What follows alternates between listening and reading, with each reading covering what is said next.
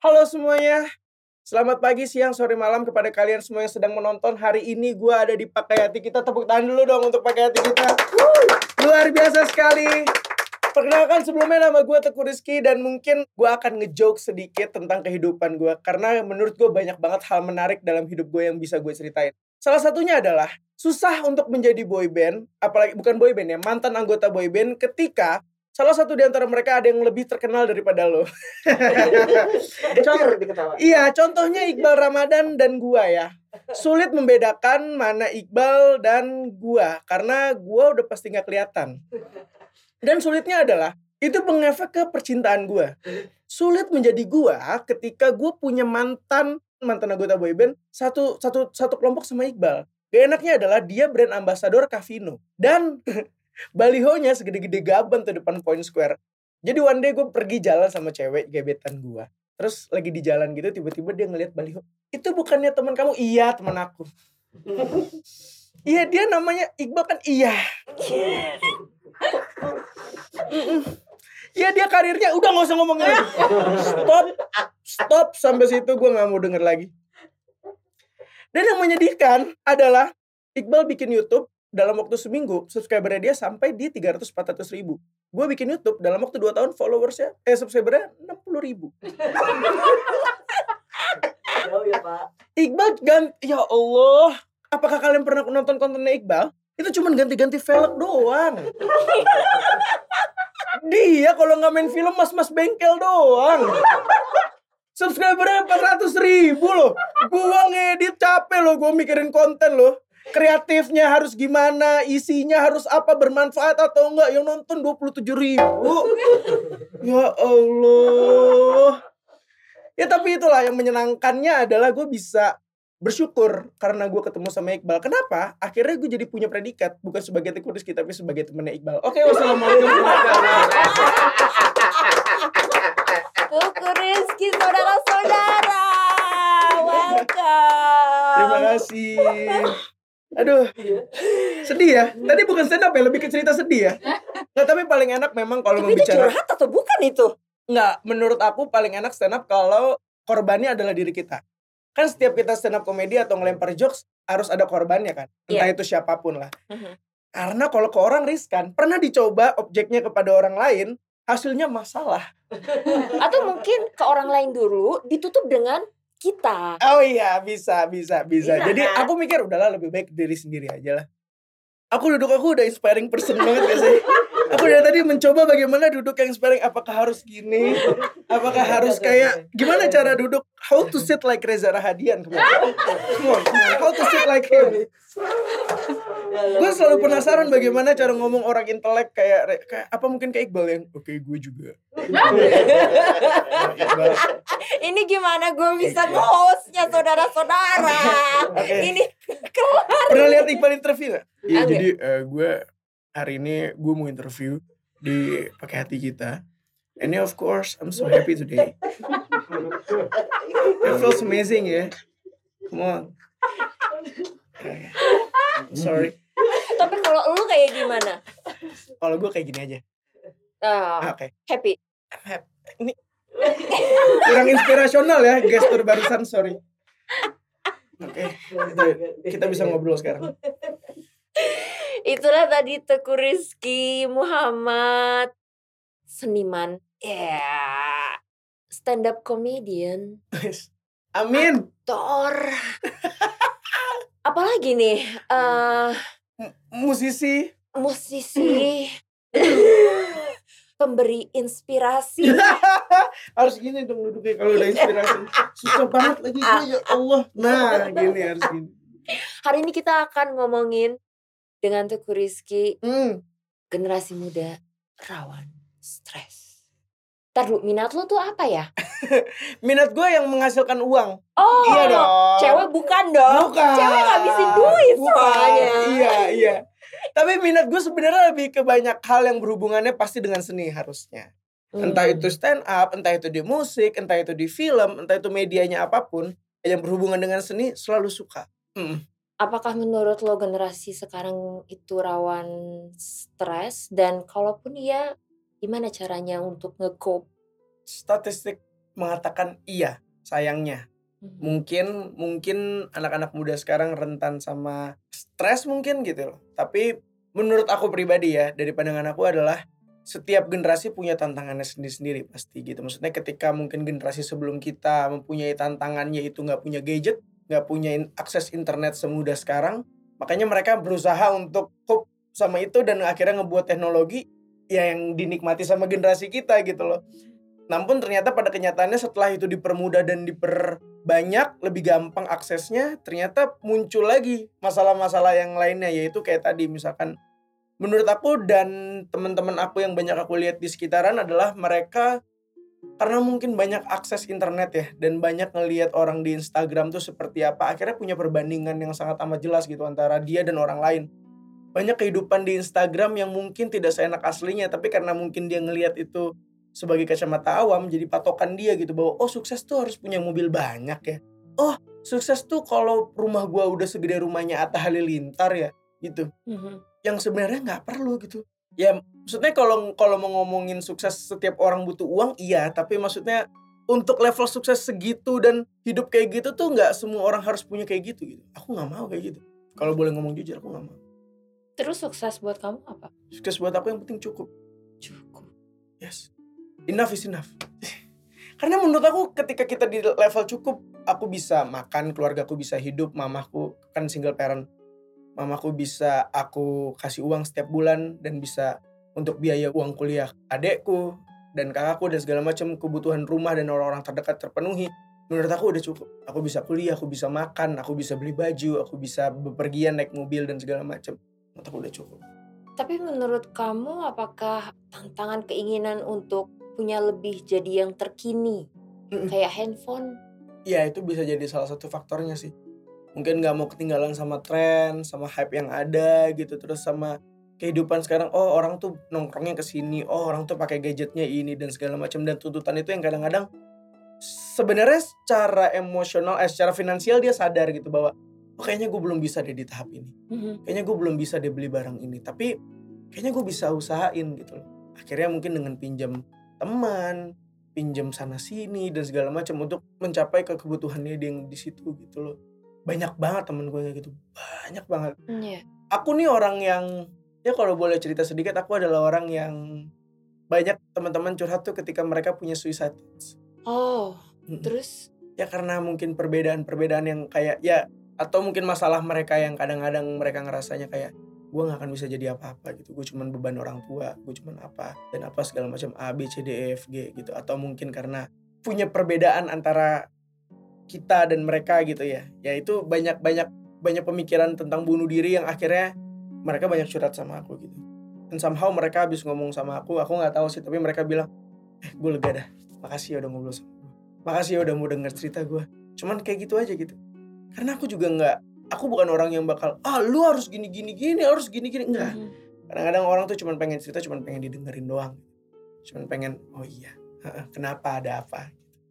Senengnya adalah aku bisa dikelilingin sama teman-teman atau orang-orang yang bisa melihat aku sebagai bukan figur bukan sebagai Kiki CCR yang pernah di Kobo Junior yang berkarir di film dan apa segala macam aku adalah orang yang dianggap sama teman-temanku ya udah ketika aku di tongkronganku ya aku nolin semuanya gitu. ya udah jadi Kiki yang apa adanya aja gitu Hmm. mau temenan boleh nggak temenan juga nggak apa-apa ketemu sama orang tuh begini loh begini loh. Cuman ya menurutku kadang-kadang ada beberapa orang yang akhirnya kemakan sama pikirannya dia sendiri karena dia nggak cukup banyak untuk melihat dia nggak cukup banyak untuk merasakan dia nggak cukup banyak untuk mendengar di sekeliling dia dan di dunia luar bahwa banyak banget yang bisa kita pelajarin banyak banget yang bisa kita syukurin. Dirimu dengan kesuksesan Cowboy Junior amin. langsung berubah posisi duduknya. Dengan eh, wah karena waktu itu booming banget kan.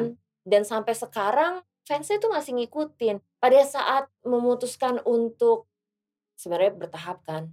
Dari mulai 2014 Bastian keluar Mm-mm. terus kalian masih tetap berjuang untuk Hmm.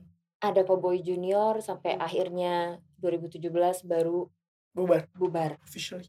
Itu kan sebuah perubahan yang sangat drastis. Oke. Kalau kita ngomongin ini proses yang sangat amat panjang sih. Mhm. Dari sebelum aku di Kobo Junior dan akhirnya aku di Kobo Junior gitu loh. Menurutku ini perjalanan yang panjang karena aku start ini dari maksudnya mulai tahu dunia nyanyi, ketemu sama banyak orang itu dari aku kelas 1 SD, TK. Jadi waktu itu memang papa aku musisi, terus ya dia keliling-keliling dan akhirnya dia memperkenalkan aku sama musik. Jadi dia mentor pertama aku. Terus aku kelas 2 papaku meninggal, jadi mama yang kerjain semuanya. Tapi gini, begitu mama ngerjain semuanya, aku punya perasaan bahwa gue nggak bisa tinggal diem nih. Hmm. Waktu itu aku kelas 2 SD, kelas 3 SD. Gue nggak bisa tinggal diem nih, nyokap gue kerja, punya anak tiga, kakak gue masih sekolah, gue sekolah, adik gue sekolah semuanya. Jadi ini bakalan berat banget buat dia. Jadi aku pikir waktu kecil aku mau bantu mama. Tujuannya cuma itu doang. Aku mau bantu mama dengan apa pun yang bakal aku lakuin. Aku bakal nyanyi, apa pun semuanya bakal aku lakuin untuk bisa ngidupin keluarga. So, aku bilang sama mama, aku inget banget nih. Jadi posisinya papa meninggal. Jadi aku datang, aku ke sebelah mama. Aku bilang gini, ini kata mama ya kelas 2 SD. Aku bilang gini, mah udah tenang aja. Nanti Kiki yang biayain semua keluarga. Kelas 2 SD. Yes. Umur 8 tahun berarti. 7 tahun, 8 tahun. Aku bilang kayak gitu. Ya, terus pada saat itu mama ngerasa, iya apaan sih gitu. Apaan sih nih ngomong kayak gini gitu loh. Pada saat itu aku cuman mungkin cuman pengen nenangin dia doang gitu. Dengan perasaan dia kayak gitu. Tapi alhamdulillah kejadian itu akhirnya ngubah hidup aku dan mungkin pada saat itu ada malaikat di situ dan bisa ngedengar itu semua dan diwujudkan. Mungkin nyokap lo bilang apaan sih itu supaya itu cara dia buat nahan nangis sih gua rasa. Mungkin. Tapi berkat doanya dia dan dukungannya dia, akhirnya dia tuh aku 2008 ikut kompetisi AVI Junior. Alhamdulillah waktu itu juara, menang. Habis dari situ aku bilang sama mama untuk berhenti kerja. Akhirnya mama mengiyakan untuk berhenti kerja. Akhirnya ya udah mulai saat itu ngurusin. 2008 menang AVI Junior, habis itu tidak ada kejelasan dari Indosiar pada saat itu ya. Akhirnya kita luntang-lantung sendirian aja cari kerjaan apa pun, acara apa pun, mau nikahan, mau Berarti V Junior itu lo umur 10 tahun. Oh. Ya, akhirnya semua kerjaan aku ambil, apa pun itu yang yang penting aku cuma mikir satu, yang gue gimana caranya supaya keluarga gue bisa hidup. Oh, sorry, lo yang cerita gue yang nangis. Terus Karena aku pas kelas 1 SD, ini kita kalau balik sedikit lagi, papaku pernah ngomong gitu loh waktu itu sama aku. Aku inget banget dia ngomong, nanti kalau papa nggak ada kamu yang jagain keluarga ya, kamu yang gantiin ya. Oh iya, aku bilang oke oke. Dan akhirnya mungkin itu yang terjadi beneran sama skenario hidup aku gitu. Ya udah akhirnya di 2008 aku juara V Junior. Habis itu kita nggak tahu ke mana, semua apa pun. Mama nganterin aku naik motor, naik kopaja dan segala macamnya gitu. Sampai di 2010 aku ikutan musikal Laskar Pelangi. Waktu itu di teater Jakarta mainnya gitu. Ya duitnya nggak seberapa sih. Cuman itu itu adalah pengalaman yang aku rasa insya Allah bisa to the next step gitu. Akhirnya 2010 aku musikal. Akhirnya yaitu Patrick Effendi, produser dari Kobu Junior. Pada saat itu kebetulan nonton musikal itu dan akhirnya ngadain audisi tertutup untuk bikin Kobu Junior. Itu di tahun 2011. Akhirnya masuk Kobu Junior. Akhirnya, akhirnya finally mama nggak harus mikirin apa-apa lagi. Aku udah bisa, aku bangga karena aku adekku bisa sekolah dengan nyaman, kakakku bisa sekolah dengan nyaman, adikku sekarang kuliah, kakakku kuliah dan sampai saat ini mamaku single parent bisa ngurusin anak-anaknya bertiga sampai kuliah tanpa seorang ayah walaupun aku pengen punya figur bapak dalam hidup aku dan gak pernah kesampaian. Kalau bercandaan aku sama temen-temenku, di kontak lo ada nama bokap nggak? Ada bapak nggak? Gue nggak ada dong gitu. Bercandanya gitu. di bawah kelawakan itu tetep ya, Bo. Kadang-kadang gini, gimana sih rasanya diusap kepalanya sama bapak gitu. gimana sih rasanya diambilin rapot sama bokap? Eh, itu tegang sih. Lebih tegang daripada tegang kalau daripada- nyokap yang mampilin itu, itu I can tell you itu tegang. Tegang, Tegang banget. Iya. makanya aku seneng ketemu sama banyak orang seneng ngobrol seneng bergaul karena aku nggak dapet pelajaran dari seorang figur bapak aku nggak pernah dapet pelajaran jadi laki-laki tuh kayak gini gitu loh Ya, begini loh laki-laki tuh dunianya laki-laki kayak gini begini begini yang harusnya diajarin sama bapak aku semua lakuin sendiri gitu. Akhirnya ya kalaupun ketabrak ya udah ketabrak jatuh sakit oh ya udah belajar oh kayak gitu nggak boleh. Ketemu lagi oh kayak gini nggak boleh gitu. Jadi learning by doing aja gitu karena nggak punya mentor. Tapi absennya bokap Hmm. justru yang menjadikan lo seorang laki-laki yang bertanggung jawab sih dan anak yang bertanggung jawab. ya ya mungkin orang lihat enak ya gitu jadi jadi jadi aku tuh enak gitu dari kubu junior segala macam ya tapi sebenarnya kalau boleh jujur itu adalah di kondisi di mana mau nggak mau mau nggak mau aku harus ngelakuin itu gitu loh. Kenapa harus gue sih? Gitu loh. Kenapa harus gue pada saat SD harus keliling-keliling? Gimana caranya mikir besok mau makan apa ya? Mikirin bareng nyokap gitu. Kenapa harus gue gitu? Tapi ya udah mungkin emang jalannya dari yang atas gitu emang jalannya begitu gitu ya mau nggak mau harus dilakuin Tapi setelah booming, itu tuh kayak menjawab semua doa dan keinginan kan. Jadi gitu guys dari Tuku Rizky terima kasih dari ini, uh, jangan pul jangan pul eh, dulu. enggak, ini mau duduk inspiring Oh, duduk. Ini mau mau duduk inspiring Cari passion kamu dan jadikan apa yang kalian rasain, yang kalian merasa bahwa ini beban, jadikan itu tantangan untuk menjadi sesuatu yang bisa dinikmati banyak orang. Isn't it? yes Dan cuan. cuan cuan cuan cuan. Cuan, cuan, cuan, cuan. Jadi guys, jangan subscribe, like supaya cuan-cuan.